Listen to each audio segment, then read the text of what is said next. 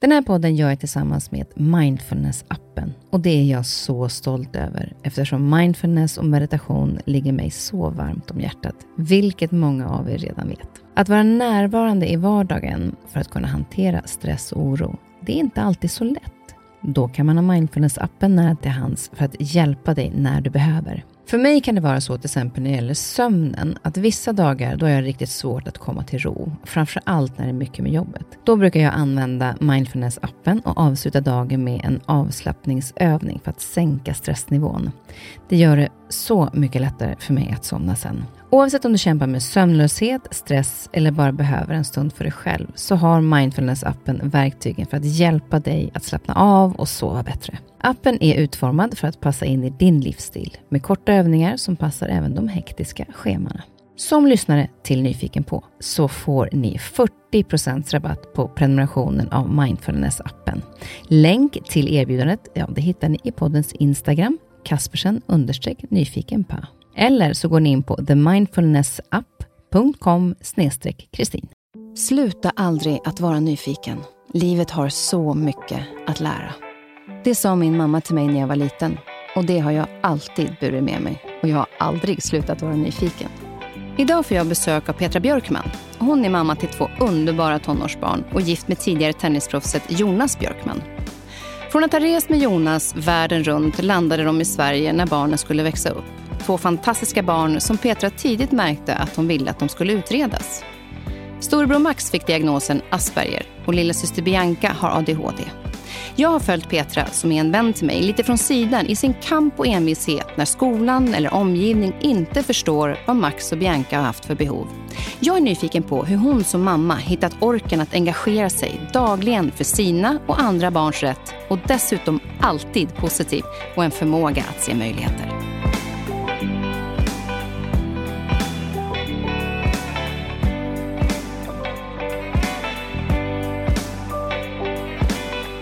Välkommen Petra. Tack snälla. Jätteroligt att vara här. Ja, och vi känner ju varandra sedan ganska lång tid tillbaka. Och eh, Vi är vänner sedan lång tid. Eh, yeah. Men det är också du som har hjälpt mig faktiskt själv att dels så titta på min egen, eh, mitt eget beteende och att jag faktiskt till slut gjorde en utredning på mig själv, men också kring mina barn och många andra. Och Det som jag är så nyfiken på kring dig, för jag har ju stått lite vid sidan av och sett när du har... För du har två fantastiska barn, en med Asperger och en med ADHD. Ja. Och hur du genom det här har kämpat enormt mycket med skolan när de inte har förstått. När skolan har förstått har du pratat om det. Men alla de här motgångarna som har varit och kampen att, att göra det bästa för dina barn. Och Det som fascinerar mig mest är att du alltid, alltid, alltid är positiv, ser möjligheter. För det är ganska krävande och det tar rätt mycket energi. Men du har aldrig, jag har aldrig hört dig klaga en enda gång. Så vi ska prata grann kring eh, hur det är att vara förälder till barn med diagnoser och också vad det ger som vuxen att kunna mer om människors beteende mm. runt omkring. Och Vi ska säga också att vi har pratat med barnen om att vi kommer att sitta och diskutera det här, så att de är med på det. Ja, absolut. Och det här har ju varit en, någonting som jag har liksom både drivit framåt, att jag har velat själv göra någonting inom det här området för andra föräldrar, om jag kan bidra på något sätt. Eh, men det har varit väldigt viktigt för mig att vänta tills båda barnen är så stora så att vi har kunnat diskutera det här. Och vad innebär det att vara öppen med det här? Inte bara i de omgivningarna som är runt omkring oss, utan att våga också ta det ett steg till. Mm. Mm. Var det inte så också att du eh, tidigare hade liksom ett nätverk på, på Facebook och så här, för att hjälpa andra mitt i det var ju lite kaosigt ett tag. Absolut. Mitt i allt kaos så, så fanns du ändå där och hjälpte andra. Men om vi bara tittar mm. tillbaka. Du är ju då också gift med Jonas Björkman. Ja, stämmer. Eh, 20 största, år här nu, senare ja. i år. en av våra största tennisspelare, framgångsrika tennisspelare på touren. Hur såg ert liv ut innan ni fick barnen? Eh, ja, men då bodde vi nere i Monaco och vi reste ju på touren när Jonas var aktiv. Eh, och då reser man mellan, ja, säg mellan 35 och 40 veckor per år ungefär. Så att man eh, tar sig runt eh, jorden tillsammans med andra spelare och alla som jobbar runt omkring. Så man är ju som en enda stor arbetsplats kan man säga som, som reser. Och det var fantastiska år. Eh, väldigt, väldigt roligt men också väldigt tufft. Och jag tänker så här i efterhand så tänker jag på Eh, att vad viktigt det var egentligen, tror jag, för våran, eh, det som vi sen fick, har fått gå igenom i vårt föräldraskap. Och det här upp och ner hela tiden. Att, eh, man tänker oftast att det är ett enkelt liv, men varje dag är ju vinner man match eller förlorar man match. Alltså det är med eller motgång hela tiden. Och emellanåt så vinner man kanske inga matcher alls. Och då handlar det jättemycket om att vara ett team och hur förändrar man det här? Hur är vi lösningsorienterade? Liksom? Oavsett om man är vid sidan om eller om det gällde Jonas som var på banan. Mm. Det är väldigt långt ifrån det här vanliga, alltså vanliga kanske man inte ska säga, men, men det här vardagen som sen blev i Sverige. Man, skola Absolut. och barn och aktiviteter och det. Ja, det men, men Max då, som är er äldsta son, mm. han eh, växte upp första åren i Monaco, eller? Ja, eller han bodde där ända tills vi flyttade till Sverige. Då, då var han eh, drygt sju. Och han var inte gammal när vi började resa med honom, så han är född 2003 och eh, han var bara fem veckor när vi åkte över till USA, till Jonas där. Och eh, anledningen till att vi liksom också kunde eh, våga göra det här var att jag hade ett fantastiskt bollplank och mentor i en, eh, eh det som var vår BVC-sköterska då, mm. som hette Birgitta Klang. Mm. Och, eh, och hur viktigt det var då att vi i alla fall hade samma rutiner när vi reste och liksom försökte jobba med samma tider för mat och läggning och så vidare. Så att det blev, och vi hade med oss liksom en resesäng och hans egna lakan. För just det, när, när märkte du, hur gammal var han när du märkte att det, att det var någonting lite speciellt med honom? Det kom, I början märkte vi faktiskt ingenting. Han var otroligt social och eh, väldigt kontaktsökande, väldigt, väldigt glad. Men det hjälpte ju säkert också allt eftersom att vi eh, hade väldigt mycket rutiner. För att det visade sig sen då, men när Max fick sin Asperger-diagnos, att det är ju väldigt viktigt för de här barnen och ungdomarna med rutiner. Men jag kan säga så här i efterhand, så skulle jag nog säga att det som var det första tecknet som gjorde att det var lite svårt med Max, det var egentligen maten. För när man började äta fast föda och sådär så funkade liksom ingenting nästan och vi kunde inte, det var väldigt svårt med olika konsistenser, smaker och så vidare. Så att jag gick både på kurs för att försöka liksom laga jättebra barnmat som man kunde mixa. Vi testade allt, men det fanns bara en enda sort som fungerade. Det var en biff stroganoff som fanns i Sverige. Så att eh, till exempel då när vi, fick, eh, när vi skulle åka till Australien, då fick jag liksom åka inom Sverige. Det här låter ju helt sjukt för någon som haft barn som har ätit allting. Men till slut blir man ju liksom desperat när man inte får i sitt barn någon mat. Och eh, då hade jag också Birgitta Klang som verkligen var och sa, ge barnet det barnet äter. Foka inte så mycket på att det ska vara olika rätter hela tiden, utan ge honom det han kan äta. Mm. Så att eh, jag köpte 70 burkar av biff stroganoff, rullade in dem i blöjor, packade ner dem i väskan och sen hade jag med mig det, så vi klarade oss en månad då, då i mm. Australien. Eh, men det var också så just att som sagt, konsistenser, alltså bitar av frukt i yoghurt, allt sånt här, det gick inte. Det var väldigt, väldigt svårt för Max. Och sen var han väl också så att han sprang iväg? Ja, men precis. Och det kom ju, då, då var han lite äldre, men just det här att då, då kunde det vara så här som många andra föräldrar var så här, ja men nu ska vi gå hitåt och, då, och så vänder föräldern och så går de och så ska barnet liksom följa efter. Eh, men Max hade inte det som liksom kallas för check back function. Han har aldrig någonsin följt efter oss när vi har liksom vänt på klacken. Eh, just för att visa att nej, men det är vi som bestämmer och nu ska vi gå hitåt. Så det fanns ju eh, många av de här olika delarna. Men det här pusslet som man måste lägga på något sätt, det vi kunde se också var att det var väldigt viktigt att vi förberedde honom. Man kunde inte bara stänga av ett program mitt i, eller alltså barnprogram. Man kunde inte, eh, att inte tala om hur dagen skulle gå, det gick inte. Utan vi fick liksom berätta på något vis vara ganska tydliga med vad som skulle ske när han blev lite äldre, alltså när vi liksom pratar någon som är ett år, nej det, det, är inte då, utan det här kom ju lite längre fram. Men det jag tänker på då när man gör den här utredningen, eh, hur gammal var han när ni gjorde utredningen? Han var eh, sju år. Mm. Ja, och det var liksom det som var innan dess kan jag nämna också var att liksom jag kände ju i magen att det var någonting, men jag kunde inte ta på det. I vissa fall fungerade det jättebra, i vissa fall var det mycket svårare. Så att då hade jag också återigen Birgitta som ett bollplank och jag sa till henne att då var kanske max fem. Det är någonting, jag kan inte ta på det. Och då så sa Birgitta också, men vi väntar, vi ser lite grann. Jag förstår vad du pratar om, men vi, vi ser. Eh, i sko han började skolan redan som fyraåring, för det gör man där vi bodde då, i Monaco. Och eh, då gick det så himla bra. Och återigen, när han var eh, sex, pratade om samma sak. Nej, han blir så otroligt mycket argare än andra barn och så vidare. Så det fanns en massa olika saker som var ja, orosmoln, tydliga tecken, tydliga på, tecken på någonting. Och då så sa Birgitta, ja faktiskt att jag kanske tänker mig Asperger. Och jag hade aldrig hört talas om det. Jag visste faktiskt inte vad det var för någonting. Så att, eh, men då sa hon så här, det går så otroligt bra i skolan. Jag, jag tycker vi avvaktar lite grann och ser hur det här utvecklas. Eh, sen flyttade vi tillbaka till Sverige och där var skolan lite annorlunda. Den var inte så eh, strikt och liksom så som skolan var i Monaco. Då gick han en internationell skola innan vi flyttade. Eh, och det gjorde, tror jag, att det blev lite rörigare för honom och då blev det väldigt, väldigt svårt för honom.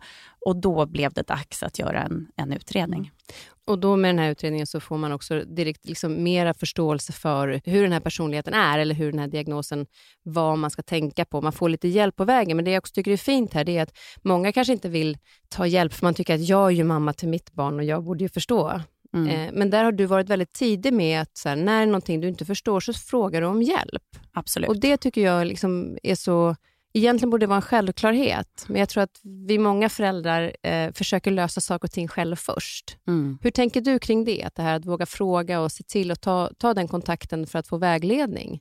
För mig som person har det alltid varit A och O och eh, jag har aldrig sett det som att det här är någonting som jag har tagit personligt, att det är någon kritik mot barnet eller någonting sånt, utan det här handlar ju om att förstå för att kunna hjälpa på bästa sätt. Mm. Eh, och, och, har man barn med liksom kraftiga låsningar och saker och ting som inte fungerar i vardagen, så har det inte varit någon... Har, för mig har det inte ens varit konstigt. Jag har inte ens tvekat att våga prata om mitt barn med eh, de som är kunniga eller kan. Eller, jag tyckte inte alls att det var läskigt eller jobbigt att driva på det här att vi behöver göra en utredning.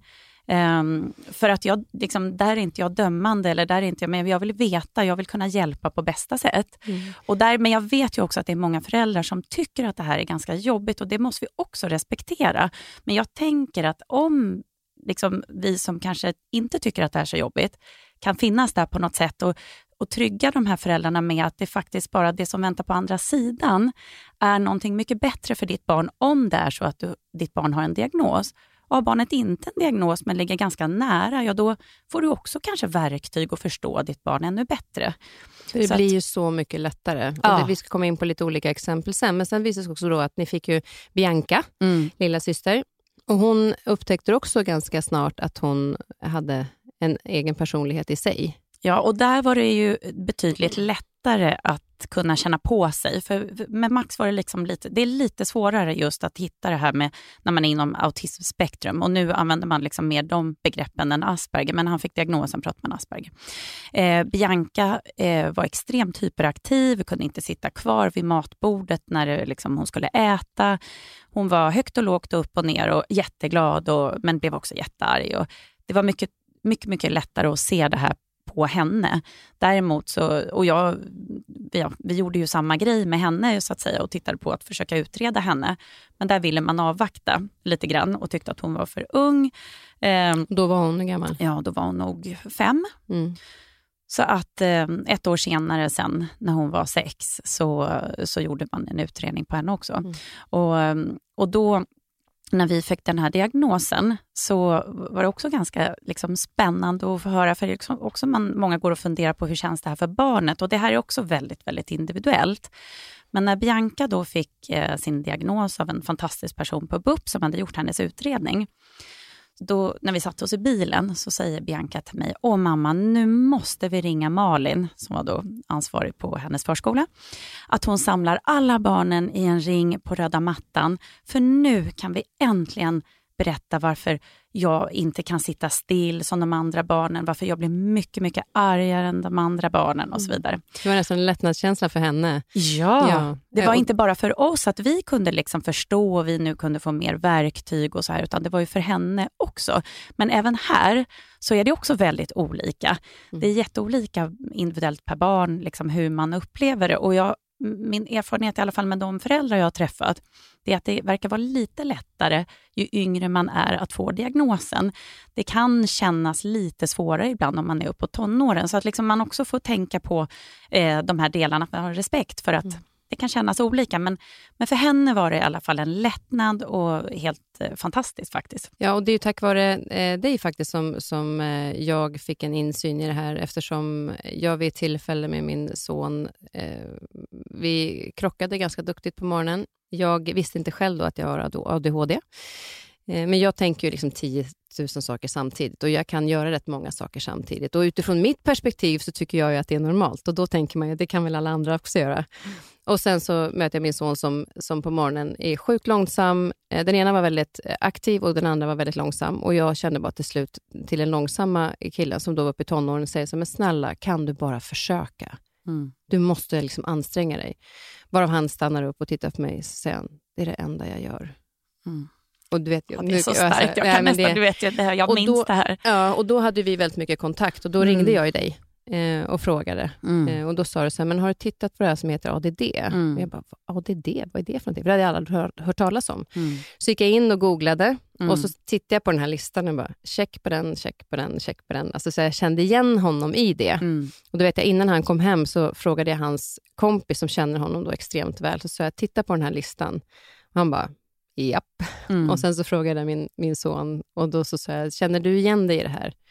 Jag bara, absolut. Eh, kan jag bara få göra den här utredningen nu? Mm. Och sen var inte det hela, det är inte jättelätt att få till den här utredningen, det tar ganska lång tid. Mm. Eh, och jag vet att du, där fick jag också stöd av dig, därför att det här var precis innan sommaren och jag ville få till utredningen och det var ganska tufft och jag kände bara så att nu måste vi få till det här. Mm. Och så fick jag som svar att ja, vi får vänta till efter sommaren för läkaren har semester. Mm. Och, jag, och du bara, det där ska du inte godkänna. Och jag bara, nej det ska jag inte. Så mm. du backade upp mig där. Så jag sa ju till dem att det är fint att era läkare tar semester, jag förstår det. Men min sons problematik tar inte semester. Nej. Så jag går inte härifrån förrän ni har tagit tag i det här. Mm. Och då fick jag ju en tid efter semestern direkt. Och bara vi visste om det, mm. så visste man att det, det, skulle plockas upp istället för att stå i ovissheten. Och Jag tror inte att jag hade varit där utan det stödet ifrån dig. Så vikten av att man liksom har den hjälpen. Mm. Sen gjorde jag en utredning, för jag kände igen mig i den här utredningen som min son gick igenom. Och Sen tycker jag det är så härligt just det när du säger hur barn själva upplever, och det är ju säkert olika med olika barn, men som min yngsta son, när han utreddes, så när jag var hämtade honom på skolan, han kan ha varit i tioårsåldern kanske, så kommer han in i bilen och så säger jag så här, jag har fått svar på din diagnos. Och han bara, snälla mamma, säg att jag har ADHD. Jag bara, mm. va? Nej men jag har googlat. Det är jättemånga smarta människor i världen som har ADHD. och det är så att se på i barns perspektiv, hur mm. de upplever det, mm. istället för att vi är dömande gentemot andra. Mm. Så att jag tror någonstans, kan jag i alla fall uppleva att det blev en lättnad för mig när jag förstod att jag, eh, hur jag fungerade. Förut mm. var jag noga med att andra människor skulle förstå mig, men det var nog för att jag inte förstod mig själv. Idag gör jag det och då har det blivit lättare.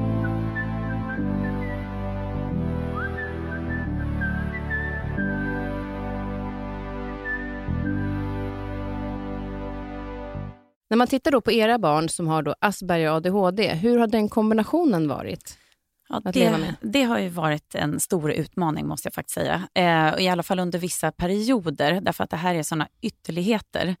Max, som då med sin Asperger liksom vill, ville han kunde absolut kramas, men på sina egna villkor. Gillar inte om man var liksom på honom hela tiden. Och det fanns ju en massa olika saker. Och Bianca som då var mer av den typen av person.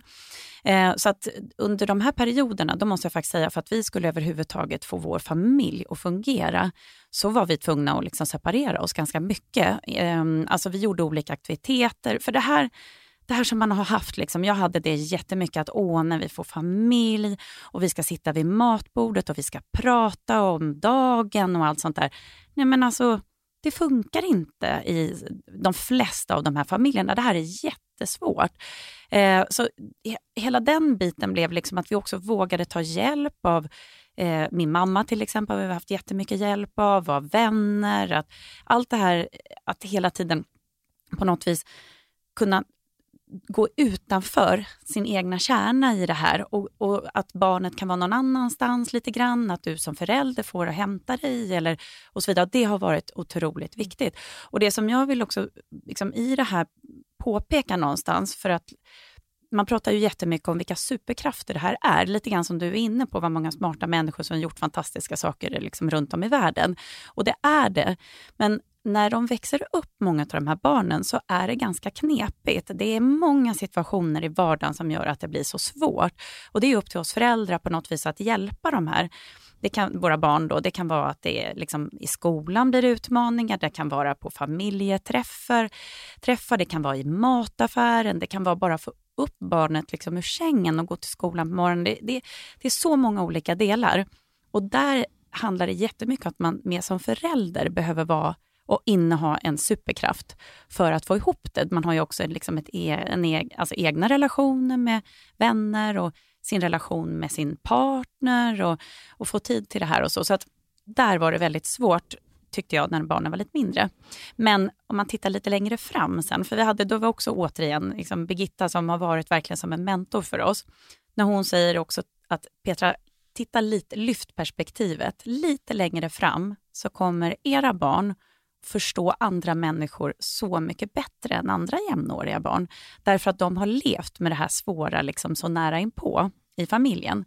Och det har ju varit, om man till exempel under perioder där Bianca inte har mått så bra, så har ju Max varit den som har kunnat hjälpa henne allra, allra mest. Och då har de ju varit, alltså från att man då kanske i perioder separerar dem, ja. till att han faktiskt är den som kan vara den som är nära henne i de situationerna. Ja, absolut. Så det är också en sån grej, för jag tänker, många gånger när, när, under den här perioden när det är tufft för barnen, när de växer upp till exempel i skolan, så tycker jag bara ibland att man påpekar så mycket deras svagheter hela tiden. Mm. Att ja, men det här går inget bra och det här måste de tänka på.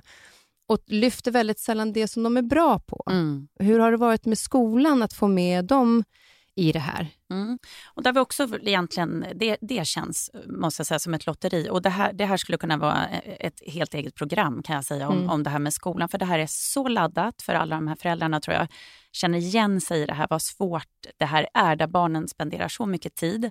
Och så finns det skolor som är helt fantastiska. Du har individuella mentorer som är helt magiska, men då också det motsatta. Och eh, en ganska intressant grej var faktiskt att när vi hade skolåtgivningsmöte på BUP, när Max hade fått sin diagnos, som vi som föräldrar verkligen välkomnade för att vi kände att åh, det blev på något vis att vi förstod honom mycket bättre vad det här handlade om. Det var inte vi som var dåliga föräldrar eller inte lyckades med uppfostringsmetoder eller, eller så vidare. Så vi välkomnade det här. Medan då sitter jag med, eh, på skolåtgärningsmöte med rektorn från skolan och eh, Max mentor. Varpå rektorn under hela det här mötet i princip hävdar att hela utredningen, att resultatet är fel. Därför att Max var absolut en av de bästa i klassen. Och jag har aldrig varit, jag har aldrig liksom, jag tror jag aldrig blivit så chockad någon gång för att eh, hur hela det här mötet liksom tog sin, alltså hur mm. det här fortsatte. Eh, och då insåg jag ganska snabbt att här kommer det vara en utmaning för mig när inte vi har med oss skolan på att förstå hans utmaningar. Nu hade han en fantastisk mentor som, eh, som var med mig på tåget. Men, men för att liksom kunna ändå komma igenom med de behov som fanns och liksom vilka anpassningar som skolan behövde göra för att det skulle fungera för honom. Så det måste jag säga var väldigt, väldigt speciellt. Eh, och med Bianca då, så var det en helt annan upplevelse därför att där förberedde man henne. Hon gick från sin förskola till den skolan. Där fick hon hjälp med resurs första året och liksom, man mötte henne verkligen där hon behövde bli mött. Mm. Så du har sett både och? Jag har sett både och. Jag kan också känna när skolan inte möter och du försöker vara väldigt tydlig med att mitt barn kan men lär in på ett lite annorlunda sätt och så man försöker vara väldigt tydlig i det. Och när de inte respekterar och det handlar om ens eget barn. Alltså jag blir så, jag blir så arg, mm. men samtidigt så har jag försökt vända den ilskan över till att, så här, energi till att hitta möjligheter och hjälpa skolan med möjligheter. För jag har full förståelse för att de kanske har 30 stycken i en klass och alla barn är olika. Så att jag har full förståelse för att det är jobbigt på många sätt. Men, men jag har inte förståelse för det här dömandet eller att nonchalera så att som förälder så kan det krävas ganska mycket om man hamnar då det här lotteriet, om man hamnar på en skola som kanske inte har de möjligheterna eller kunskap, att hjälpa dem med den kunskapen. Mm. Att envisa med, liksom, jag vill ha ett möte och jag berättar gärna, att ligga på där för att du har så mycket igen. Absolut. Och jag tror, men just här som du nämner också det här, eh, i det du säger, det är det här med kunskap. Alltså vi behöver hjälpa, jag tror generellt sett så behöver även alltså allt ifrån BVC till eh, förskola och till skola. Här behöver vi kanske höja kunskapen och hjälpen tillsammans. Och verkligen inte, nu ska jag inte generalisera på något sätt, men för där det redan fungerar väldigt bra, där ska man ju bara fortsätta och, och verkligen berömma, för det här är så viktigt.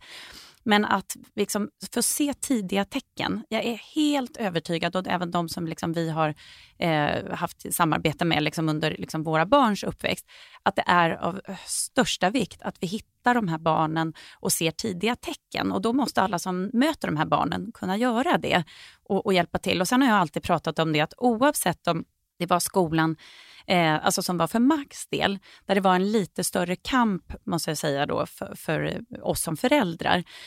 Men just det här att man samarbetar, att vi inte kommer in och liksom verkar vara kravställare som föräldrar där vi liksom på något vis hotar hela skolbilden, för det är de som är bäst på att egentligen vara lärare. Men vi måste liksom tillsammans samarbeta för att göra det bästa för barnet, för det är bara det det handlar om. Mm. Och det finns så många olika enkla sätt, jag vet inte, jag tror vi har pratat om det tidigare, till exempel en sån här sak som att Eh, Eh, jag, tog ett, jag printade ut ett skolschema för Max till exempel från att han var ganska liten. Så fick han sitta med färgpennor, överstrykningspennor och färga. Ja, typ om det var grönt, ja då gick det, det var inga problem med den lektionen och och så vidare. För att han hade lite svårt att just kommunicera med tanke på hans diagnos. Så var liksom, det som han hade svårt var att sätta ord på saker och ting. Men att liksom kunna färglägga saker var inte svårt. Och sen kanske cerisrosa var liksom det som var absolut värst. Då klarade han nästan inte att vara kvar på lektionen. Det här gjorde ju att vi kunde ju tillsammans analysera med skolan och visa, liksom, titta på att okej, okay, här visar han att liksom den här, det här ämnet på en måndag morgon är inte så jobbigt, för det här är liksom grönt eller blått eller vad det kunde vara för färg. Medan på torsdag eftermiddag som sista lektion så är den liksom cerisrosa, vilket är att han klarar nästan inte att vara där och liksom just lägga det här, vara detektiv. Ja. ja. då blir det inte ämnet i sig som är jobbet utan det är när det faktiskt kanske ligger på dagen eller under veckan. Eh, exakt, och det kan vara liksom det. Och då är det mycket lättare till barnet att liksom i hemmamiljö upplevde vi i alla fall att då kunde jag ställa de här liksom frågorna. Är det, eh, ja, men om det var någonting med läraren eller om det var någonting var man satt i klassrummet eller om det var något ljud någonstans. Eller, det finns så många olika delar i det här. Men då kan man vara detektiv. Och om man går in med den inställningen både från skolans sida och som förälder att vi gör det här tillsammans. Men ibland går det inte riktigt, ibland blir man inte, får man inget gehör för det man försöker beskriva om barnet och så vidare. Och då är det viktigt att man inte ger upp. Alltså då måste man, precis som om det så handlar om liksom göra en utredning eh, och inte sitta och bara vänta utan ja, man får vara liksom, man får kämpa på med det här, välja möten, ha koll på det här med åtgärdsplaner, vad är de skyldiga att göra och så vidare. Mm. Att man skaffar sig den kunskapen. Men vi nämner just det här också med utredningar.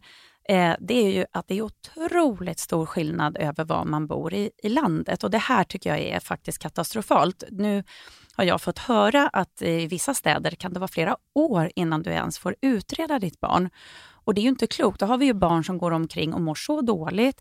De kanske inte klarar av att gå till skolan, de blir hemmasittare. Alltså det, vi måste ju göra på ett annat sätt så att vi liksom minskar på den psykiska ohälsan som faktiskt kan komma när man inte liksom blir förstådd och inte får anpassningar och, mm. eh, och så vidare. Så att, liksom, det här är ju väldigt beroende. Det är ett lotteri, liksom, även då med skola och så vidare. Ja, det är mycket. För det, är, det är också så här, när du pratar om att, det här med att eh, göra utredning, så är det flera av eh, de, alltså när vi har pratat kring det här, som har sagt att nej men det här med utredning, det tror jag det gör man ju bara för att man ska få medicin.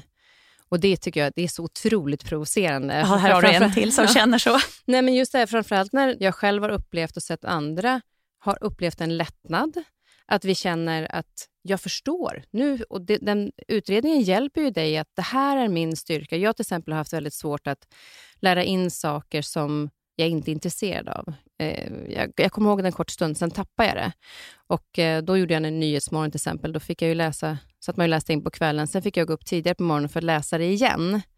Och ibland kunde känna mig så att jag inte, varför, varför fattar inte jag de andra? Men alltså när jag förstod mitt sätt att lära in så satt jag och pratade med redaktören först och fick det berättat för mig då mm. satte det sig på ett helt annat sätt och sen läste jag in.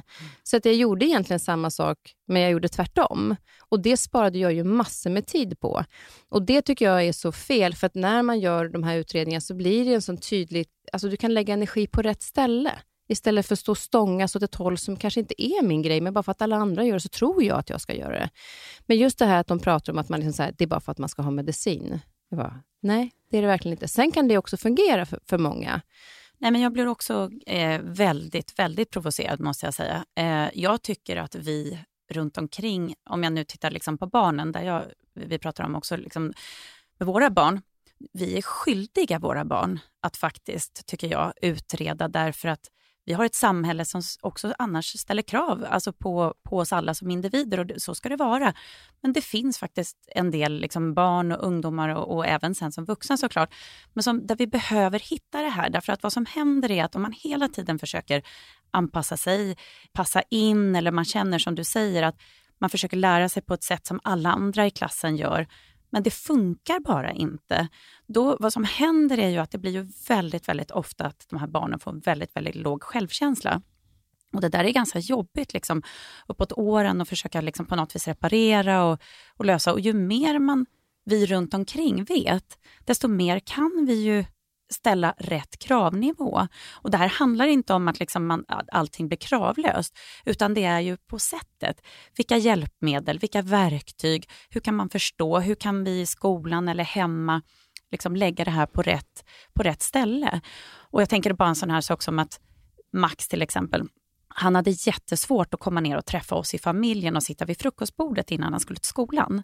Varpå, liksom, när jag lärde mig om det här, att många av de här har liksom behov av att kanske få en egen stund. Och då fick han alltid sin frukost på sitt rum.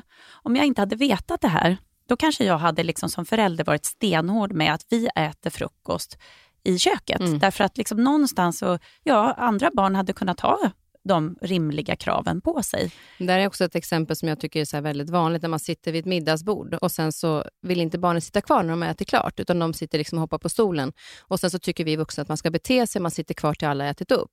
Och Det är också en sån grej som jag har fått så här, men varför ska han sitta kvar för? Mm. Han mår dåligt där, han blir irriterad, det påverkar alla. Istället för att han kan gå iväg en stund, så får han komma tillbaka. Mm. När han har fått ur sig den energin han behöver. Mm. För att han fungerar inte som vi andra som sitter runt middagsbordet. Så varför ska han anpassa sig efter oss, men vi kan inte förstå honom? Mm. Att det behöver inte, man behöver inte göra det så svårt om man förstår. Och Det här tycker jag är intressant, därför att jag upplever i alla fall att sen jag själv har lärt mig en hel del om olika typer av diagnoser och personlighet, så tycker jag någonstans att jag också fått en mer förståelse i vuxenvärlden.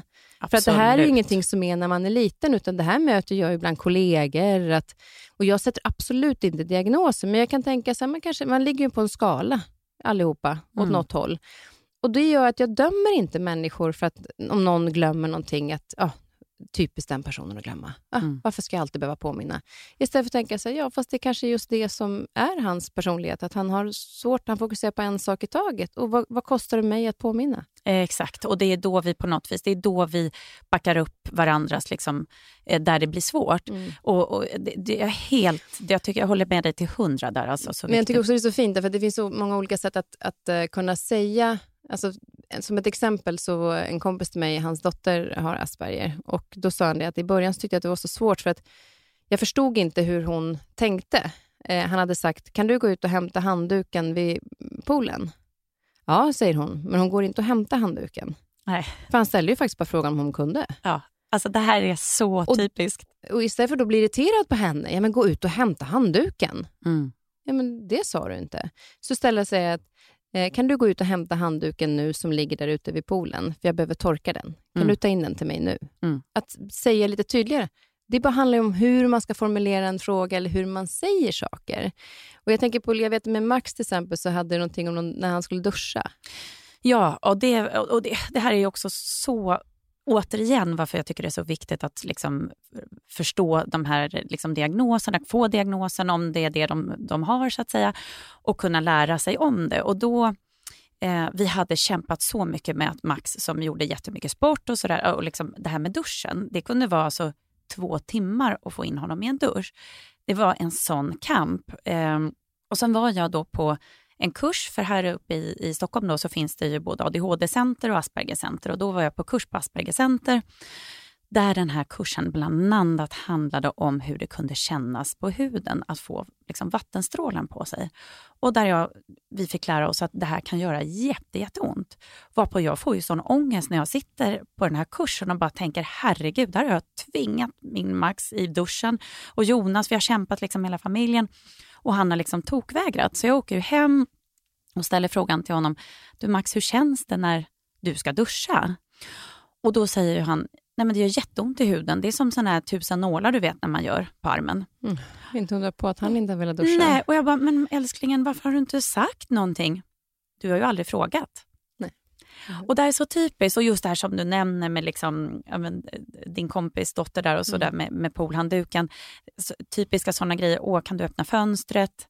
Ja, men det innefattar inte liksom för honom att han, det är inte en uppmaning att han ska gå och öppna fönstret. Man frågar ju bara om han kan. Exakt, och han kan ju. Mm. Och det här är också så här, och hade jag inte vetat hur Max fungerar, då hade jag kanske, bli, som du säger, blivit arg. Och det här är bara en av tusen mm. exempel på hur det handlar om vi som omgivning kan omformulera oss och ställa rätt krav. Ja, för du gick ju bara och köpte ett nytt eh, duschmunstycke som eh, Exakt. gjorde att dropparna blev mjukare och då var det inga problem. Så det är ganska, det, många gånger så finns det ganska enkla åtgärder bara vi öppnar och förstår hur det fungerar. Och sen var det inga problem för honom att duscha längre. Nej, du pratar mycket om det här med liksom att samhället och att du också vill förbereda dina barn för samhället. För det ser ut på ett visst sätt. Så det handlar inte om att samhället hela tiden ska anpassa sig efter barnen som är lite annorlunda eller på ett annat sätt, utan att det handlar om att lära barnen också att så här ser samhället ut och hur ska vi kunna möta samhället? Och jag hade en, en eh, vilket jag tyckte var väldigt fint, en elektriker som, som var hemma hos mig under en längre period när jag började renovera. Och varje gång han kom så kramade jag ju om honom och eh, Han var alltid lite så här äh, stel i den där kramen. Och Sen så eh, var det ett år senare så kom han tillbaka och så skulle han fixa någonting. Och så säger han så här, du jag vill bara ta en sak med dig. Eh, det är så här, jag har gjort en utredning och jag har Asperger och han var då vuxen. Det är därför jag har haft lite svårt att ta emot dina kramar. För jag har aldrig riktigt förstått varför man ska kramas. Och jag har också förstått att jag har inte kramat min mamma sedan jag var åtta år. Och hon vill ju jättegärna kramas, men jag förstår inte varför. Och Då säger jag till honom så här, men gud, då ska inte jag gå på dig och krama. Jo, jag vill att du gör det. För att jag vet att det betyder mycket för andra. Mm. Och Då tycker jag det var liksom som fint sätt att mötas. Att han vill förstå och han förstår att det betyder någonting för andra. Så det handlar inte bara om att jag skulle anpassa mig efter honom, utan han vill också anpassa sig efter hur andra är mm. och lära sig det. Mm. Och Det är det det handlar mycket om, tycker jag, i den här förståelsen kring att vi alla är olika. Varenda människa är unik. Mm. Och att lyssna in det mm. istället för att vara dömande.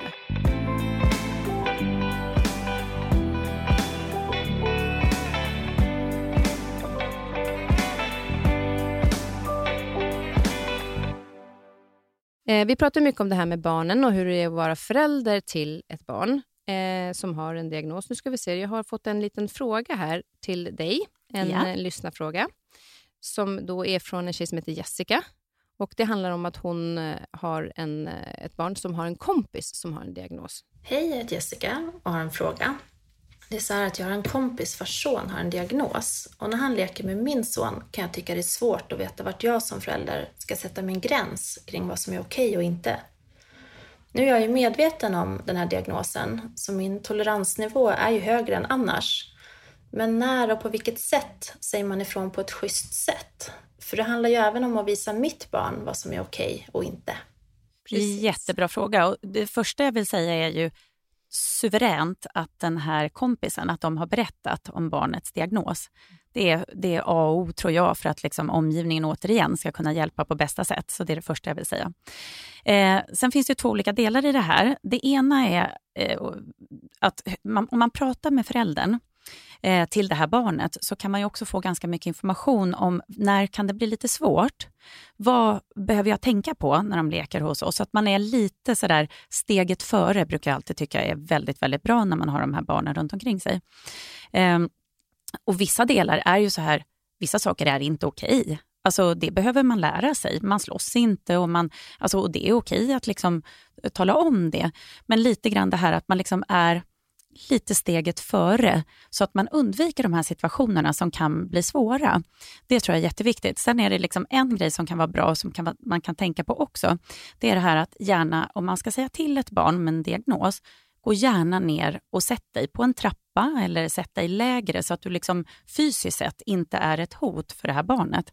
Ehm, och Då menar jag inte att man på något vis skulle utöva något fysiskt liksom mot det här barnet, utan det är bara med ens uppenbarelse på något sätt, att man liksom någonstans går ner och sänker stressnivån om det är en situation där man behöver verkligen säga ifrån. Mm. Men framför allt, ta reda på vad, vad behöver det här barnet när det blir en, en viss situation. Ja, för det kan ju handla om att eh, exempelvis om, om eh, man slår med en leksakshammare på någon, eh, så kanske man, det inte funkar att säga så där får du inte göra, utan kanske funkar med att avleda.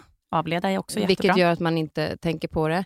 Men också det här att man måste ändå få sätta gränser i andra hem, precis som du var inne på, att det är viktigt. Men att säga det på ett annat sätt, som man vet att barnet tar in liknande det här med öppna fönstret. Att vissa saker så kanske de inte förstår på samma sätt, utan det handlar bara om att ändra sättet du säger det på. Och där då kanske få lite tips ifrån den föräldern till barnet som har diagnos, hur man gör det. Men också så här, ser man att barnen börjar hoppa i soffan så kanske man tar ut dem och spelar fotboll. Är det du menar med att liksom förebygga, alltså så här, vara lite innan? Exakt, att man liksom kan se lite grann vart, vart håller det här på att ta vägen och då kan man liksom, eh, som du säger, gå till parken eller har du en trädgård, gå ut i trädgården, liksom aktivera med någonting annat så att det inte blir liksom, eh, inomhus då, då som mm. du säger, att man hoppar i soffan och så vidare. Men jag är fortfarande, och, och det har vi varit jättetydliga med runt våra barn, att vi vill inte att när barnen till exempel har varit hos kompisars eh, familjer och sådär, att man tillåts göra precis vad som helst. Det är inte meningen, men det är det sättet vi talar om för dem. Och Det kan vara liksom en lite mjukare kanske röst, tydlighet eh, och som jag sa, då fysiskt liksom böja sig ner. Så att det finns verkligen den typen av sätt. De ska också ha sina ramar, även om man är ja. hos någon annan. Jag tänkte också på det här med att, att eh, det pratade vi lite grann om innan, men om, om det här barnet ett, exempelvis får dricka läsk när de går på en viss restaurang, mm. eh, men ditt eget barn kanske inte får det. Men då kan man vara tydlig med att säga att det är okej idag till ja. sitt eget barn, därför att annars så blir det kaos. Exakt, och då kan jag tänka så här att har man ett lite äldre barn, de barnen eh, kan man ju faktiskt prata med och säga, vet du, eh, det här andra barnet behöver liksom få den här läsken för den är van vid och du, den kan få en låsning annars eller vad som helst, alltså beroende på ålder. Men är det ett yngre barn, ja men låt ditt eget barn få den här läsken också kanske då mm. och hoppa lördagsläsken i sådana fall. Alltså att man är lite mer flexibel i omgivningen runt omkring. Mm. För då kommer man att göra det så mycket lättare för, för barnen. Men tydlighet, tydlighet är inte, det ska man inte vara orolig för. Mm. Det mår de här barnen bra av. Och Det tänker jag också på, för vi, vi var inne lite grann på hur man är som vuxna. Alltså att vi eh, kan ha kanske en toleransnivå eller en förståelse också i vuxenvärlden. För ibland kan man ju sitta på en eh, buss till exempel, där man ser en mamma som har barn som hoppar upp och ner och är liksom lite, lite stökiga kan man uppleva det som, fast mm. det kanske i själva verket är att de har en hyperaktivitet eller någonting. Mm. Eh, hur ska vi runt omkring som vuxna också titta på, på omvärlden?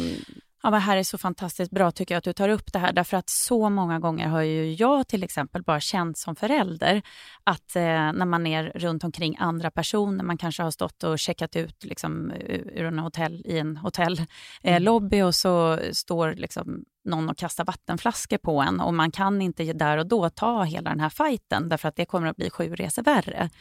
Eh, att vi får en acceptans om du ser en förälder som kanske inte kan ta det här just nu, tänk på att det kan vara andra saker bakom. Ibland har jag liksom känt att jag vill att vi ska gå med t-shirtar, hela familjen och på barnen och allting, när man är ute bland folk. Bara liksom, ja, för, att folk ska förstå att det här, vi att gör så gott vi kan. Den, ja, typ så här, jag har Asperger. Ja. Alltså det kan bli svårt. För det är just det här att i de här situationerna så känner man så lätt att liksom all, en, en, omgivning är dömande. Oh, att de inte har bättre ordning på sina barn eller att de inte säger till på skarpen eller så här. Eh, och jag tror att när man har barn med de här svårigheterna, eh, eller utmaningarna kanske vi liksom ska säga mm. istället, då handlar det jättemycket om att det är på en nivå som är väldigt svårt för andra människor att förstå. Låsningarna som sker, de går inte över. Alltså de är där i flera timmar. Det blir utbrott som kan vara enormt kraftfulla för de barnen som har liksom utbrottsproblematik.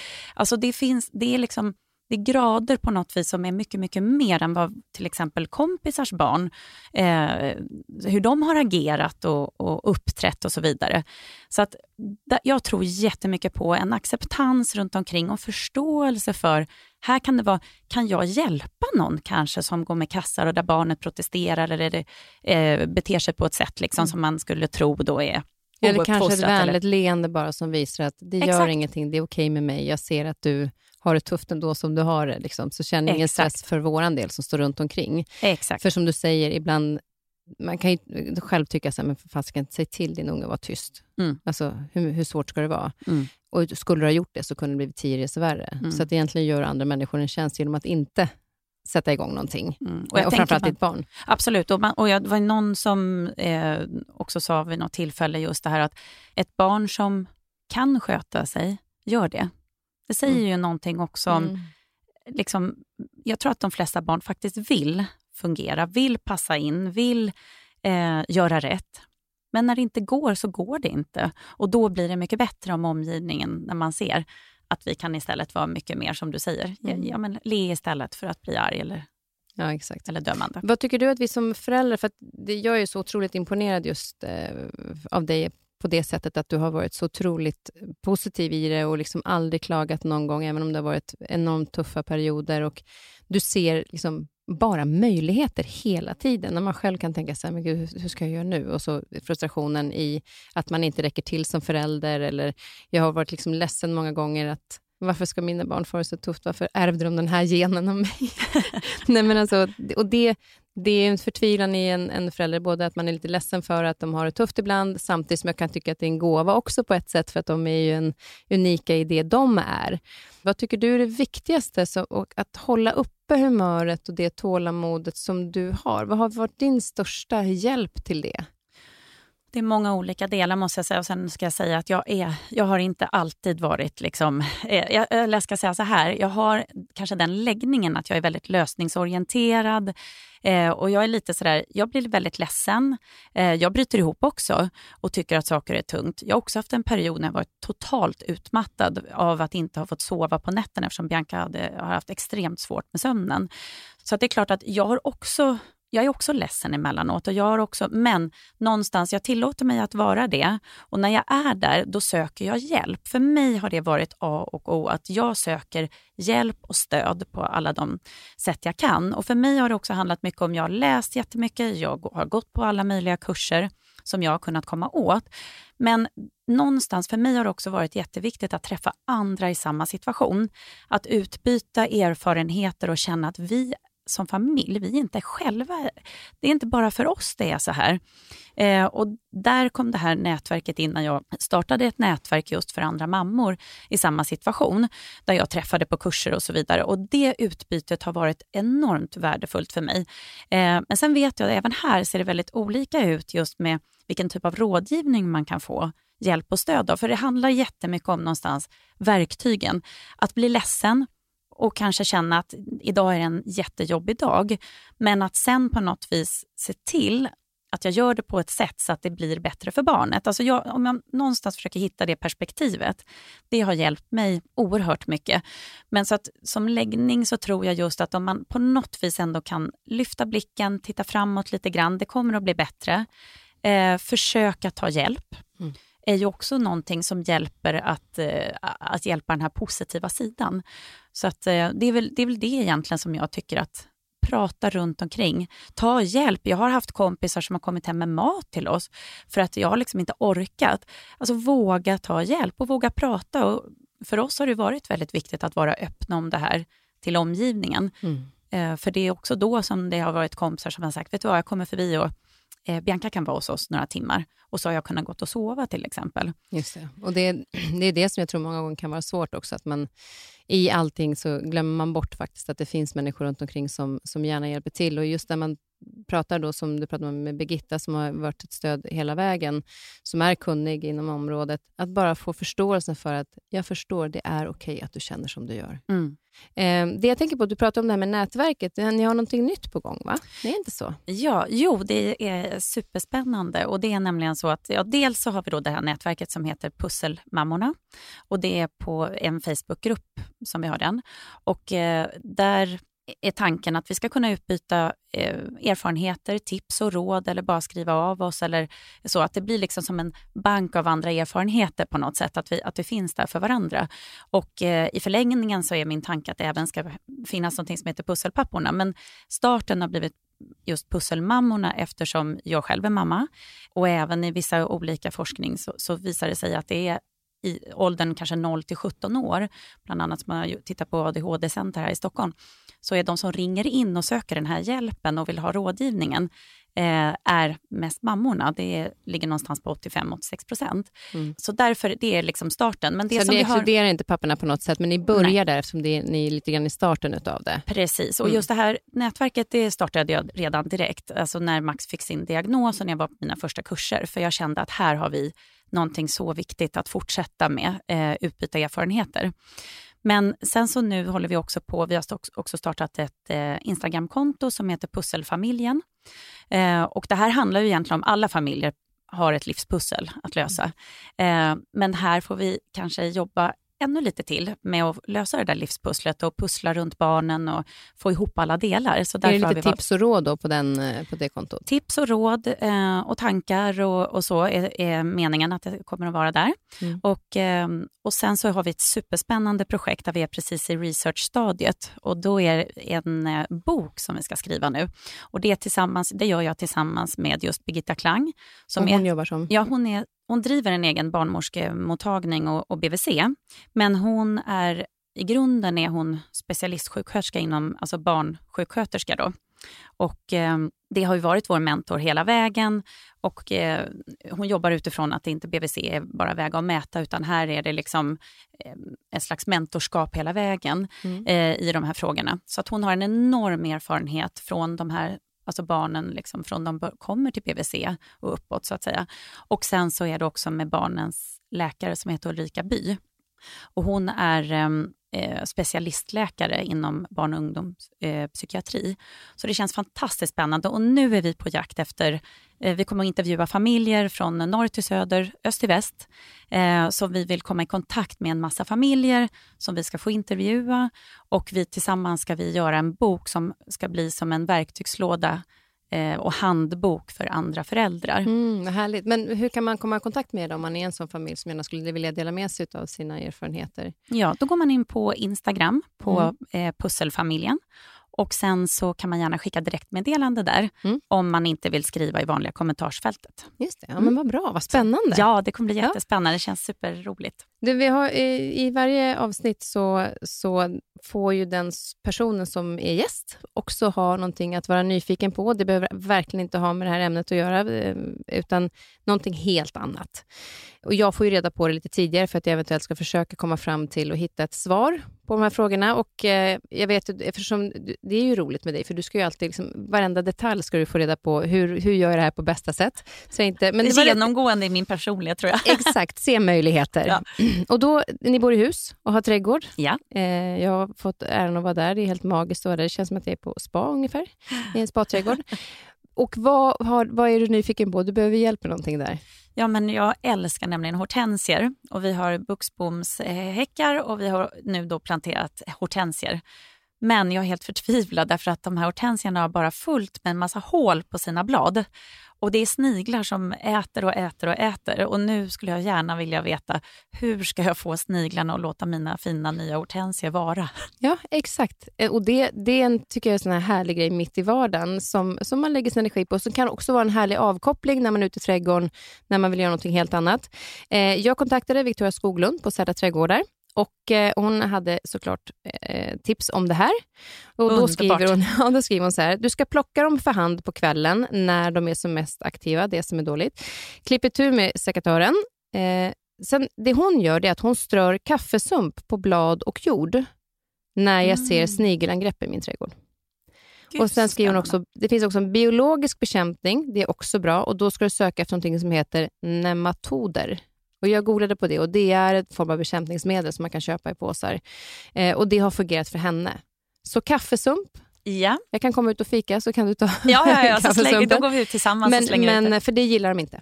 Så det är ju Bra. en ganska bra grej att kunna göra och det känns ju också väldigt naturligt, känns jag, tycker jag, för, för naturen att få lite kaffe. Absolut. Det är väl inte så tråkigt. Nej, det Men det, det får du testa, så får, får du höra av dig sen om det har funkat eller inte. ja, jag lovar. jag lovar. Kaffesump och sen så då var de här nematoder, de här extra då, när, som tar bort då. Det finns för andra insekter också, men det, där kan man hitta nematoder som just är för sniglar. Så Mm. det är tydligen lite olika. Okej, Så fantastiskt. det, det kan vi googla fram. Åh, vad härligt. Mm, det ska jag testa. Ja, och vet du vad jag tycker vi ska testa nu? För nu, har jag liksom, nu börjar vi närma oss slutet och jag brukar alltid fika lite grann i slutet. Och du också, du gillar lite grann där som jag är inne på, det här med, med eh, du äter inte heller gluten va? Nej, men jag gör inte det. Jag Nej. har ju reumatism och eh, jag har upptäckt att jag mår så mycket bättre om jag inte äter gluten och heller inte mjölkprotein. Så att, eh, det har blivit en jättestor förändring för Mm. Men- mig faktiskt. Och det tänkte jag med just med maten hemma. Det, det är en sån parentes som jag var tvungen att lägga till. Som jag kommer ihåg när jag var hemma hos er en gång så hade du skrivit en matlista på, på eh, väggen. Och då var det samma måltid, måndag, tisdag, onsdag, torsdag, varje vecka. Ja. Eh, och det, det är exakt. Och det är framförallt Max, inte Bianca behöver inte det så, men, men Max eh, har absolut behövt det så. Och han har haft en ganska liten repertoar. Vi har haft eh, bara ett få antal rätter som han har snurrat runt på. Och så har jag också gjort en tydlighet att på måndagarna är det här, tisdagarna är det här. Och då är det samma rätt varje måndag. Eh, absolut. Ja, men jag tycker den är så himla bra, för varför krångla till det? Mm. Och jag, då står det till mig så här, men nya rätter kan de smaka, prova i, i skolan och så kan vi göra det på fredag, lördag, söndag. Men de här dagarna när det krävs så mycket annat, varför lägga energi på det? Mm. Tusen tack Petra. Och så ska vi säga då igen, återigen Instagram som är då Pusselfamiljen. Ja, Där man också kan skicka direktmeddelande om man vill bidra med sin historia och sina familjer. gör gärna det. Tack snälla. för att jag kom. Nu får vi Tack. ta och fika lite grann. Här är lite råförbollar. Åh, vad gott. Jag älskar. Gör du?